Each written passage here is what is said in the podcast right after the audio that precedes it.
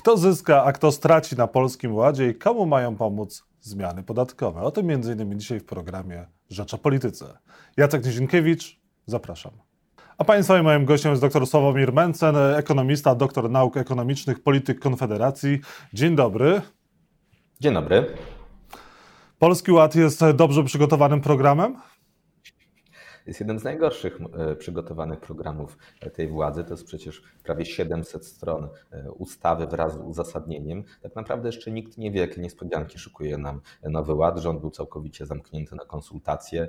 Te, które się odbyły, były raczej pozorne, ponieważ czas, który otrzymały różnego rodzaju organizacje na odniesienie się do tych 700 stron był skandalicznie krótki. Sejmowe Biuro, Biuro Analiz Sejmowych odmówiło w ogóle skomentowania i zanalizowania tego dokumentu, bo nie mieli na to czasu, więc było od samego początku oczywiste, że czeka nas katastrofa. E, niestety Ministerstwo Finansów oraz większość sejmowa w ogóle się tymi ostrzeżeniami nie przejmowała, no i teraz muszą e, ponieść tego konsekwencje. Może przemawia przez pana polityk, bo tak naprawdę e, ten e, Polski Ład ma być programem, na którym e, według premiera Mateusza Morawieckiego zyska ponad 18 milionów Polaków, a ci, którzy nawet nie zyskają na tym programie, mają nie stracić. Takie były zapowiadane zapowiedzi premiera Mateusza Morawieckiego. Czy zapowiedzi były takie, że zyska na tym 90% Polaków, 10% Polaków e, straci? E, te dane nie są do końca e, precyzyjne. Jeżeli chodzi o przedsiębiorców, to ci którzy, z nich, którzy coś ze swoją firmą zrobią, zmienią formę działalności czy zmienią formę opodatkowania, to nawet mogą zarobić na tych zmianach, zwłaszcza jeżeli więcej zarabiają. Ale rzeczywiście matematycznie to jest tak policzone, że zdecydowana większość Polaków ma na tym troszkę zarobić. Przy czym mówię troszkę, to mówimy o kwotach rzędu kilkaset złotych rocznie na przykład.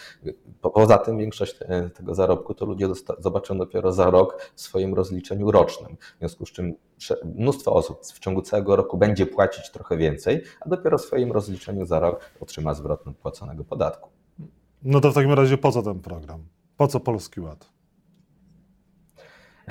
Celem było oczywiście zwiększenie, znaczy może zmniejszenie regresywności polskiego systemu podatkowego, ponieważ do niedawna było to zorganizowane w ten sposób i w sumie to dalej jest, że osoby najlepiej zarabiające płacą dużo niższe podatki niż osoby najsłabiej zarabiające. Mieliśmy bardzo niską kwotę wolną od podatku na poziomie niektórych państw afrykańskich, w zasadzie nie, niespotykaną na świecie, żeby to było te 3000 zł z hakiem. Chodziło o to, żeby trochę ulżyć osobom najmniej zarabiającym. To udało się częściowo. Rzeczywiście mamy już na normalnym poziomie kwotę wolną od podatku, to znaczy 30 tysięcy złotych. Rzeczywiście udało się podnieść ten pierwszy próg podatkowy do 120 tysięcy złotych. Ta kwota już od wielu, wielu lat nie była e, waloryzowana, stąd kolejne grupy Polaków wraz ze wzrastającą inflacją wpadały w drugi próg. To też się udało zrobić. Niestety do tego dorzucono tą 9% składkę zdrowotną, która sprawiła, że może nasz dochód do tych 30 tysięcy jest wolny od podatku, ale nie jest wolny od 9% składki składki zdrowotnej. Ja podejrzewam, że większości Polaków nie lubi różnicy,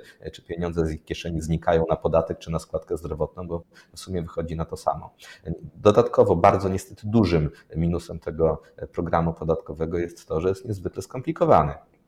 Do niedawna w Europie chyba tylko Włosi mieli bardziej skomplikowany system podatkowy od Polaków i obawiam się, że w wyniku wprowadzenia nowego ładu jesteśmy w stanie Włochów e, przebić. W tym momencie nikt tak naprawdę nie wie, jak powinien płacić swoje podatki. Problemy mają księgowi, problemy mają pracownicy Krajowej Administracji Skarbowej, którzy nawet pisali e, do premiera e, o to, żeby trochę zmodyfikować ten projekt, tą ustawę, albo ewentualnie, żeby dać im trochę więcej czasu, bo sami nie wiedzą, w jaki sposób interpretować to prawo prawo. Więc w wyniku tego skomplikowania mamy olbrzymi bałagan, który będzie się pogłębiał, ponieważ mamy w tym momencie nieudolne próby naprawienia błędów. Wyszło kilka dni temu takie rozporządzenie ministra finansów, które jest całkowicie sprzeczne z ustawą i według prawników jest po prostu nielegalne, a zastosowanie się do tego rozporządzenia wydanego przez ministra finansów może grozić nawet odpowiedzialnością karno-skarbową. Więc mamy wielki bałagan, który obawiam się, że jeszcze będzie rósł.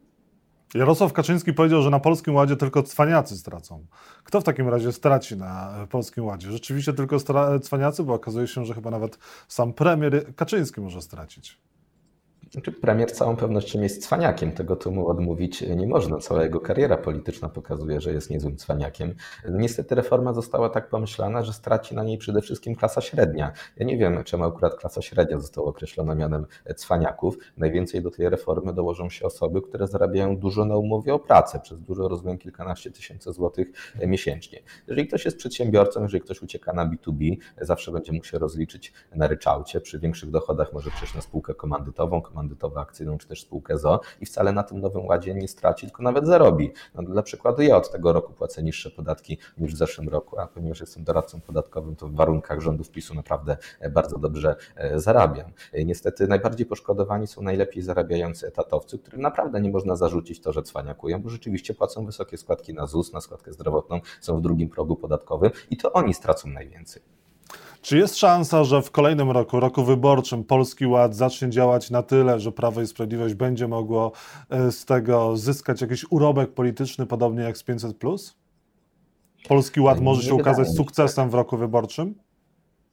Zależy, który rok będzie rokiem wyborczym, bo zdaje się, 23. że zupełnie przesądzone. Takie są zapowiedzi. Mam nadzieję, że tak. Nie, załóżmy, że tak będzie. Rzeczywiście, gdy będą rozliczenia PIT-ów za przyszły rok, wielu ludzi dostanie zwroty. Przy czym te zwroty nie będą jakieś oszałamiające. Stąd uważam, że wpływ tego na, na wynik wyboru będzie znacznie niższy. Na pewno ludzie zapamiętają ten wielki bałagan, to, że nie wiedzą sami, jakie mają płacić podatki. Zwracam też uwagę, że prawo podatkowe w zakresie podatków dochodowych w Polsce może być zmieniane tylko raz na rok. Stąd to, co my teraz mamy, to będziemy jeszcze się z tym bujać przez cały rok. A co w przyszłym roku zostanie zmienione, co ludzie być może odczują w roku wyborczym, to w tym momencie jeszcze nie wiemy, ponieważ Ministerstwo Finansów ma taki brzydki zwyczaj zaskakiwać nas tymi zmianami dopiero jesienią, więc w tym momencie jeszcze nie wiemy, co tam im po głowie chodzi i czym nas zaskoczą od początku przyszłego roku. No, na razie rządzący zaskakują nas e, sposobami na to, żeby ulżyć Polakom w opłatach gazu i drożyźnie. Obniżamy polskie podatki dla wszystkich, zmniejszamy presję inflacyjną w sytuacji powszechnego wzrostu cen w Unii Europejskiej.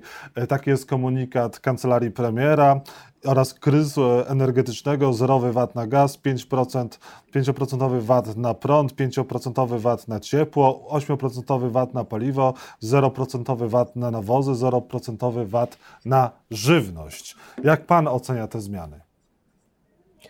Te zmiany oceniam pozytywnie. Od dawna domagałem się obniżenia podatków. Ceny są w sporej mierze dlatego tak wysokie, bo wszystkie dobra i usługi są obłożone bardzo wysokimi podatkami.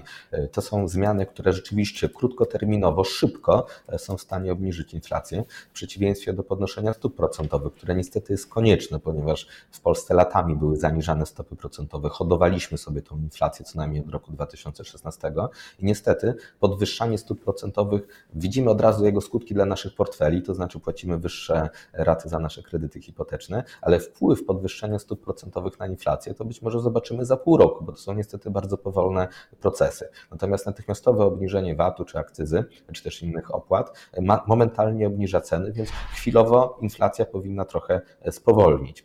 Natomiast musimy mieć świadomość tego, że to są zmiany przejściowe, w związku z czym nie jest to metoda na pozbycie się z polskiej inflacji. Można to porównać raczej do wzięcia leku przeciwgorączkowego. Gorączka rzeczywiście nam chwilowo się obniży, natomiast mechanizm, ta choroba, która sprawiła, że mam wysoką temperaturę, niestety z nami zostanie dłużej. No i pytanie, co z budżetem państwa? No bo budżet jednak zostanie uszczuplony o pewne środki poprzez pomniejszenie tych e, podatków. Co z budżetem państwa będzie, to my jeszcze nie wiemy. Warto zwrócić uwagę na to, że założenie w ustawie budżetowej jest, taka, że jest takie, że inflacja tam delikatnie przekroczy 3%. E, Natomiast wszystko wskazuje na to, że ona wyniesie 7 albo 8%. Co oznacza, że dochody budżetowe będą po prostu wyższe. Wraz ze wzrostem inflacji rosną wpływy z podatku dochodowego, rosną wpływy z VAT-u czy też z akcyzy. Stąd może się okazać, że rząd znajdzie pieniądze na to, żeby pokryć te wydatki, a znajdzie oczywiście w naszych portfelach poprzez e, zwiększenie zwiększenie wpływów podatkowych wynikających ze wzrostu inflacji. Jeżeli chodzi o podwyższenie stóp procentowych, o których Pan wspomniał przez e, NBP, jak Pan ocenia te działania? No bo to też wpływa na nasze kredyty, prawda? To nie najlepiej. Wiadomo, że nikt nie chce płacić wyższych odsetek za kredyty. Te raty znacząco wzrosły i obawiam się, że jeszcze wzrosną w przyszłości, ponieważ cały czas różnica pomiędzy stopami procentowymi a inflacją jest naprawdę bardzo duża. No, natomiast jest to rzecz zupełnie konieczna. Niestety, gdyby wcześniej Rada Polityki Pieniężnej decydowała się na podniesienie stóp procentowych, gdyby ten proces podwyżek zaczął się może rok temu na przykład, to nie musiałby być teraz taki szybki i drastyczny. Niestety przespaliśmy to. Za długo była zbyt, były zbyt niskie stopy procentowe i teraz Rada Polityki Pieniężnej jest zmuszona do gwałtownych, drastycznych podwyżek stóp procentowych. Jest to niestety smutna, smutna konieczność, musimy się z tym pogodzić. Jest to oczywiście zła informacja dla wielu gospodarstw domowych, ponieważ co, comiesięczne wydatki na kredyt hipoteczny czy wynikają, wzrost wydatków wynikający z inflacji, czyli opłaty za gaz, prąd muszą teraz wzrosnąć, więc żyło nam się będzie chwilowo trochę gorzej, no ale niestety jest to rachunek, który musimy zapłacić za to, że za lat, latami mieliśmy zbyt niskie stopy procentowe. Szef e, e, kampanii wyborczej Platformy Obywatelskiej Krzysztof Brejza był podsłuchiwany w trakcie wyborów parlamentarnych. Czy to mogło wpłynąć jakoś na wynik wyborów parlamentarnych ostatnich i czego pan się spodziewa po przyszłych wyborach parlamentarnych? Czy to wpływa, może wpływać na wynik wyborczy i czy nie obawia się pan, że na przykład Konfederacja również była lub jest podsłuchiwana nielegalnie?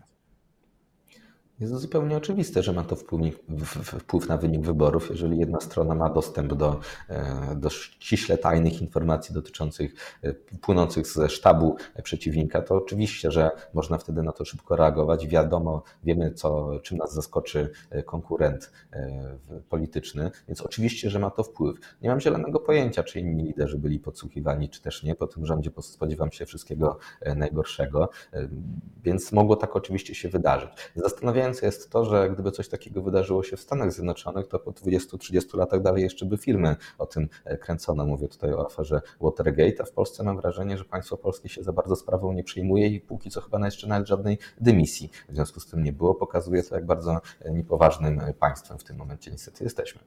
Powinna powstać komisja śledcza do spraw Pegasusa, nielegalnych podsłuchów? Wydaje mi się, że tak. Nie ma żadnego powodu, żeby dokładnie nie zbadać tej sprawy. Ja naprawdę nie chciałbym być podsłuchiwany przez, e, przez Zbigniewa Ziobro czy też jego ludzi. Jest to sytuacja wybitnie niekomfortowa. Uważam, że politycy nie powinni mieć dostępu do tego rodzaju narzędzi. I na koniec, czy w przyszłości jest możliwa e, jakaś współpraca Konfederacji z Prawem i Sprawiedliwością, na przykład e, wspólna, wspólny rząd? W przyszłości wszystko jest możliwe, natomiast y, takie rozwiązanie wydaje mi się oczywiście mało prawdopodobne.